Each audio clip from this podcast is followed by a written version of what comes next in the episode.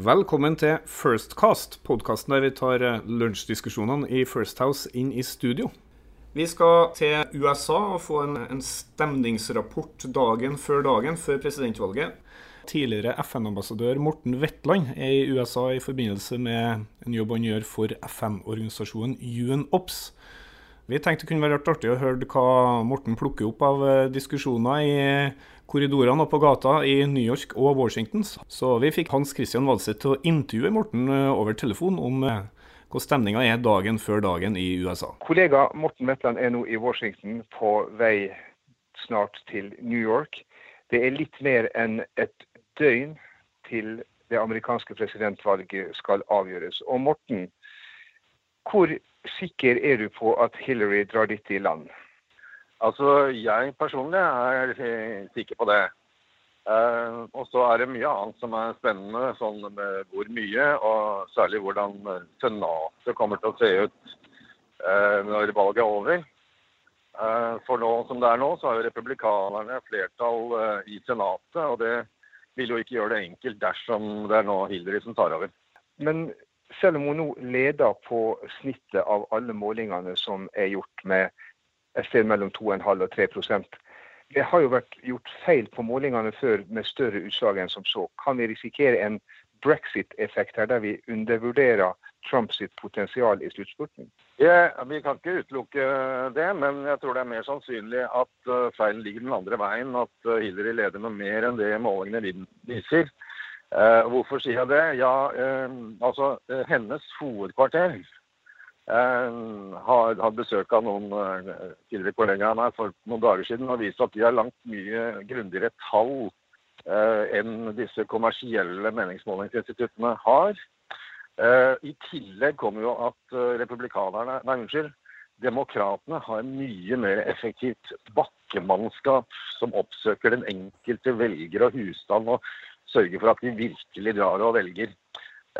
Og de har jo fire ganger så mange i selve skal vi si, det store apparatet og kampanjen enn det Trump har.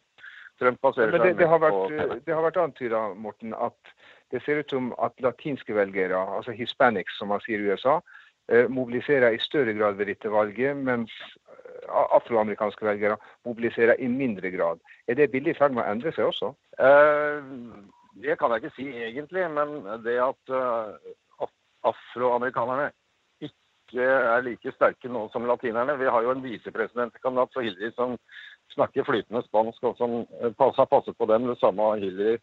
Mens forrige gang var det jo Obama ikke sant, som hadde en helt annen appell, naturlig appell til uh, African American, som vi sier, uh, enn Hillary Clinton har. Så at litt sånn dropp i entusiasmen blant uh, African Americans, det er helt naturlig etter mitt skjønn. Så spørsmålet er om da maskinen til demokratene kan sørge for at så mange som mulig av uh, afroamerikanerne deltar i valget og stemmer på. Men det amerikanske presidentvalget er jo slik at det er valgmenn fra hver delstat som til slutt velger presidenten. Og man kan risikere å få flertall i befolkninga, men likevel tape blant valgmennene. Eh, hva er de sterkeste, eller, eh, ja, de sterkeste vippestatene for Trump nå, som i teorien kan velte dette? Ja, Det du sa om at du kan få flertall i valg av eh, stemmene på landsbasis og likevel tape presidentvalget, det så vi jo i år 2000, da Al Gore fikk en halv million flere stemmer enn George W. Bush. Det som er nå, Der hvor kampen står nå, det er Florida, North Carolina, um, Ohio ser ut til at Trump vinner. Den tapte med alle, reelle alle, avgjørelsen faller i et håndfull stater. Ja, alle, alle, de statene du nevnte nå, må jo Trump vinne for å klare det. Og så må han klare å ta noen ja. av det som han kaller for firewall-delstatene uh, til Hillary Clinton. Og Der ser jo New Hampshire ja. ut til å være den som i øyeblikket ligger svakest an. Ja, men, men, det er så altså Målingene i New Hampshire de det er et liten, liten stat. Vanskelig å treffe liksom så, så, sikkert som det. Uh, jeg så på uh, senatormålingene der oppe. De er litt positive for republikanerne. men det, det, er jo bare det er, jo ikke, det er ikke en stor stat, så det vil, jo, det vil, jo, ikke holde. altså Sjansen for at Trump skal ta alt det han trenger for å faktisk vinne, mener jeg er tilnærmet null. I offisielle kilder sier at den er sånn 85-90% at han ikke greier det. Uh, så, så, jeg tror vi kan, uh, de som da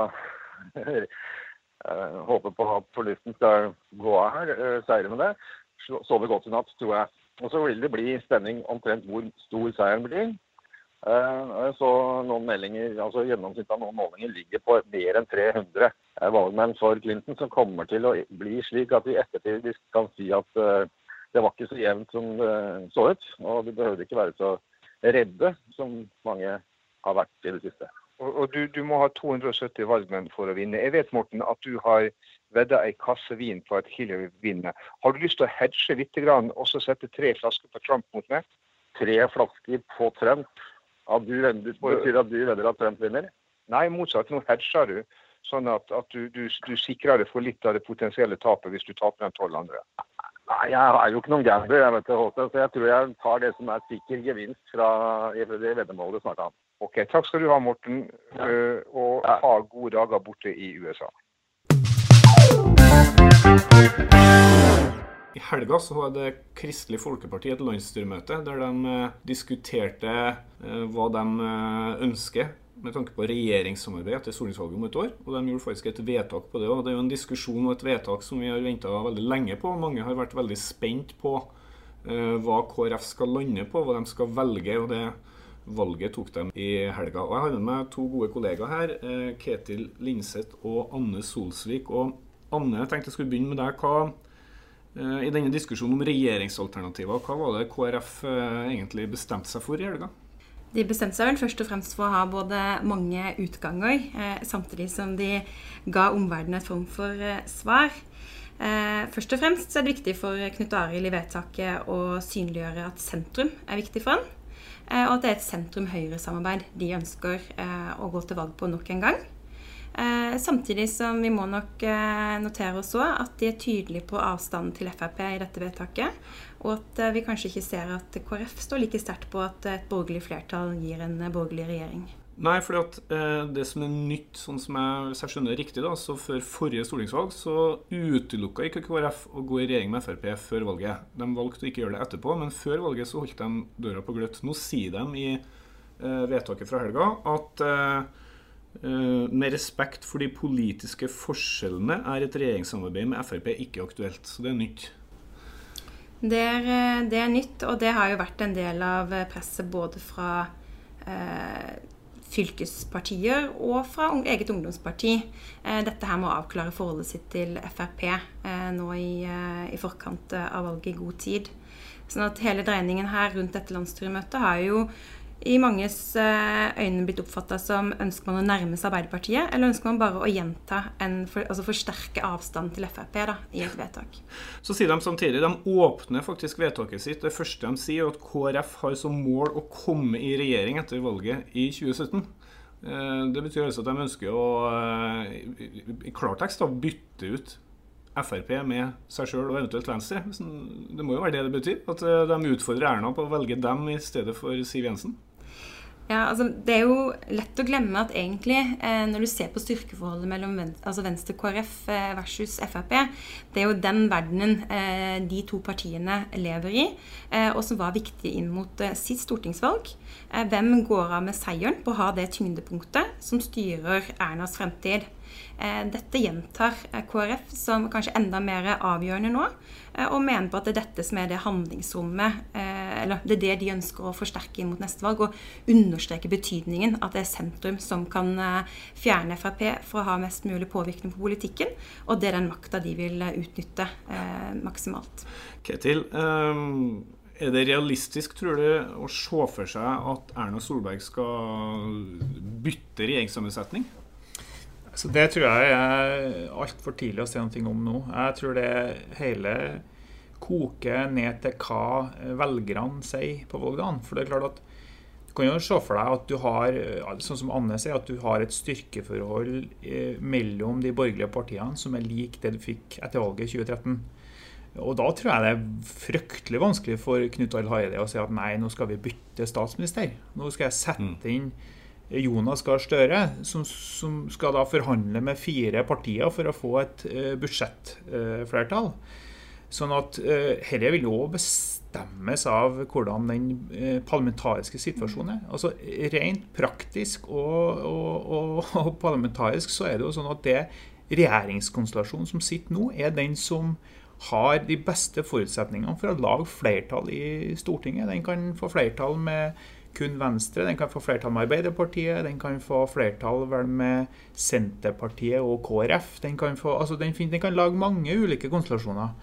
Eh, sånn at Det er viktig når man diskuterer dette og, og vurderer ulike taktiske og, og, strategiske vurderinger som man gjør, så er det òg viktig å se litt på hvordan er faktisk den parlamentariske situasjonen i Eh, Stortinget. Det er vel kun eh, én statsminister i Norge som har kasta inn kortene når han har fått et bedre parlamentarisk grunnlag etter et valg. Det var Torbjørn Jagland i 1997, da han gikk til valg på, et, på en prosentdesimal. Og den gangen så kom faktisk den sentrumsregjeringa med Senterpartiet, KrF og Venstre. Hele grunnlaget for at den kunne dannes, var at han valgte frivillig å kaste kortene. Ja, og da tror jeg du er inne på noe viktig, Erlend. At det, det, er jo ikke sånn at man innsetter regjeringa i dette landet her. Man faktisk må få mis en mistillit mot seg. og det må jo denne regjeringa òg. Eh, selv om valgresultatet skulle bli noe annerledes, så sitter jo fortsatt denne regjeringa etter valget i, i, i, 2017. Ja, For Erna Solberg eh, trenger ikke å velges aktivt på nytt etter stortingsvalget. Hun sitter helt til å får mistillit mot seg, eller sjøl velger å gå av.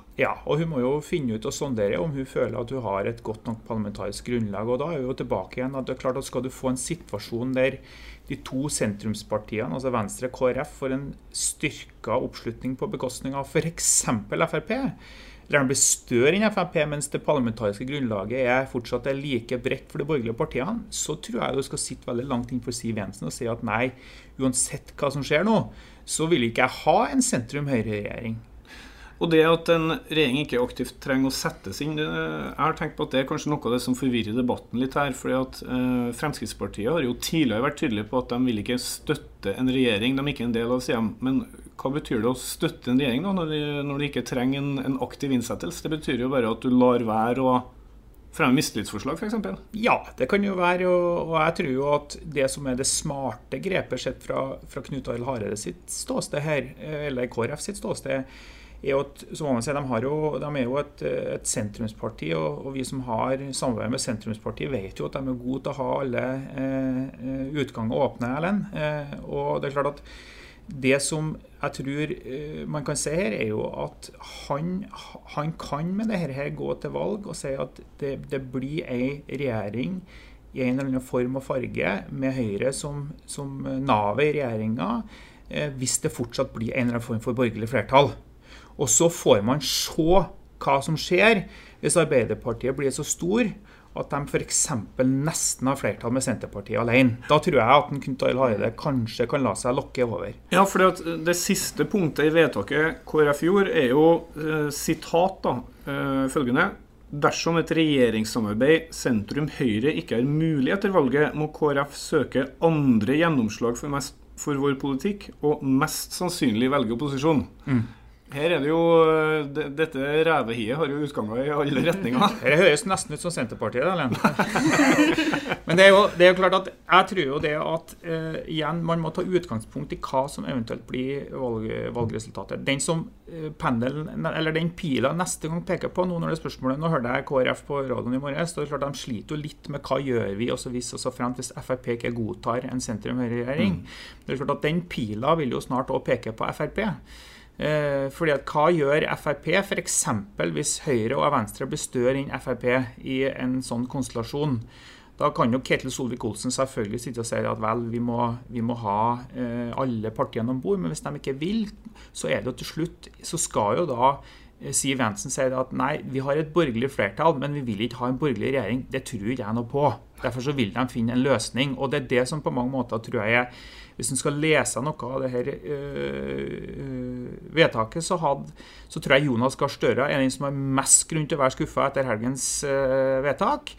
Og så tror jeg de andre fire borgerlige partiene kan på en eller annen måte finne fram eh, i lag i løpet av eh, dagene etter valget i 2017, fordi her er det lagt et strategisk grunnlag for at det skal kunne skje. Det tror jeg. Jeg tror nok at Ketil har veldig rett i at det er nok Arbeiderpartiet som bør være de mest eh, skuffa etter helgens eh, Eh, vedtak. Eh, og her er nok ganske mye de må friste med av attraktiv politikk det neste året, hvis det skal skapes noe grunnlag her, når det etter disse årene med samarbeid ser ut som at man finner budsjettenighet eh, gang på gang, eh, og finner sammen i en del andre viktige, langsiktige saker òg blant de, eh, de, borgerlige partiene. Eller ikke-sosialistiske partiene, da, som KrF så klart eh, ville ha sagt. Eh, men det tydeligste her er nok at en sånn form for samarbeidsavtale som man har i dag, det er nok den Knut Arild vil litt ut av hvis det, det, er så langt han må gå for å, å velge en mye friere rolle i, i, neste periode. Og Det er kanskje det som ligger i, i setningen om at uh, hvis et regjeringssamarbeid sentrum-høyre ikke er mulig, så vil man søke andre gjennomslag for politikken og mest sannsynlig opposisjon. Det kan jo bety man kan jo, altså KrF er jo på en måte i opposisjon i dag òg, bare at man har en, en samarbeidsavtale for det. Mm. Eh, hvis definisjonen på opposisjon er alle som ikke er i regjering. Altså dere kan jo, altså KrFs kvaler og vansker med denne samarbeidsavtalen kan jo Anne si mye mer om. Men jeg har bare lyst til å legge til en ting til uh, før vi runder av. Det er at Jeg leste jo uh, Jeg må si at jeg hørte ikke talen til Knut Arild Hareide, men leste den etterpå. Jeg må jo si at Den hyllesten som var av Erna Solberg inni den, mm. i den talen Ut ifra det så må det være veldig vanskelig uh, for en KrF-er Eh, å gå eh, etter valget 2017 til Jonas Gahr Støre og si at hei, vi vil ha deg som statsminister. Det må, det må være litt sånn eh, vanskelig altså det må være, I beste fall så er det dobbeltmoralsk, for å si det sånn. Så KrF har jo slitt litt gjennom høsten med at uh, de har hatt en levende debatt om samarbeid. Uh, målingene har vist at partiet er ganske splitta på midten mellom uh, hvilken retning de skal gå. og sånn. er det vedtaket de gjorde i helga, godt egnet for å, å samle partiet foran en valgkamp, tror du? Jeg tror det er godt egnet til å samle den bredden som KrF står i, både med tanke på internt i partiet og, og velger Eh, nedslagene sine. Men eh, dette her er et vedtak som vil sikkert bli både litt utfordra og må, gjentas, eh, ikke minst knytta til landsmøtet til våren. Som er vanlig at samarbeidssituasjonen igjen kommer på dagsorden. Men da vil Knut Arild ha befesta veldig denne posisjonen i løpet av det halvåret. Og det vil nok forsterke det handlingsrommet hans inn mot neste års valg. Det at døra står bare bitte bitte litt på gløtt for muligheten til å kunne skifte side, da, hvis valgresultatet skulle tilsi det. Eh, er det noe som gjør at eh, KrF vil beholde denne posisjonen som eh, ekstra interessant i debattene? og denne rollen Knut Arild Hareide har spilt nå med, med, å være liksom kingmakeren som skal velge statsminister? Eller har de vært så tydelige på at de foretrekker Erna at nå er det ikke like spennende lenger hva de, hva de kan lande på? Det er jo ganske interessant, fordi at uh, altså det er jo uh, nesten så man kan si at det er litt forunderlig hvor lite KrF faktisk har fått ut av denne uh, midt imellom-rollen sin. Altså hvis du tar altså Den mesteren i norsk politikk på det området var jo Carl I. Hagen. Han var jo alltid en kløpper til å sette seg sjøl i sentrum når han var den som satt med nøkkelen til flertallet eller ikke. Altså dem som satt den Eh, Bondevik II-regjeringa husker jo det med skrekk og gru, hvor han drev regjeringa fra skanse til skanse i forhandlinger. Mens KrF har overhodet ikke klart det her. Uh, og det tror jeg er fordi at eh, KrF er et parti som passer De sier det sjøl, de passer best i posisjon. tror jeg. Altså Det ligger noe i, i, KrFs natur i det å være i posisjon. Og, og, igjen tilbake til talen til Hareide, så var jo den veldig tydelig på det. Og at man, man trives best når man får sitte med regjeringsmakt. Man er ikke så god på å spille kortene sånn at det passer partiet og, og, og populismen best. Så eh, jeg er ikke så sikker på at Hareide klarer å spille det der på en måte i hvert fall som gjør at man får veldig mye effekt ut av det. Og så er det en, et annet dilemma bare sånn kort her, det er jo det er klart at KrF, hvis du ser på velgertapet til KrF, jeg så noen målinger her for ikke så lenge siden, så har de mista I september så mista de desidert mest til Høyre og Frp. Og det var etter en debatt om hvorvidt at de skulle gå til Arbeiderpartiet eller ikke. Eh, og de har tidligere mista ganske mye velgere til Arbeiderpartiet. sånn at eh, hvis det skal finnes ett sentrumsparti i Norge, så tror jeg vi må kunne si at det er KrF. Altså De står med fotene ganske godt planta i begge leirer. Eh, og det er jo et kan lekke i begge retninger. De kan lekke i begge retninger. Akkurat nå lekker de mest til Høyre Frp, og det tror jeg derfor så var det for, så viktig for Haide å få avklart akkurat det her spørsmålet her knytta til Høyre. Eh, hvis ikke så tror jeg han har vært raskt under sperregrensa eh, de neste månedene. Takk for at du følger oss her på Firstcast. Du finner et arkiv over eh, tidligere sendinger på firsthouse.no, og du kan òg abonnere på iTunes og på Android. Vi er snart tilbake.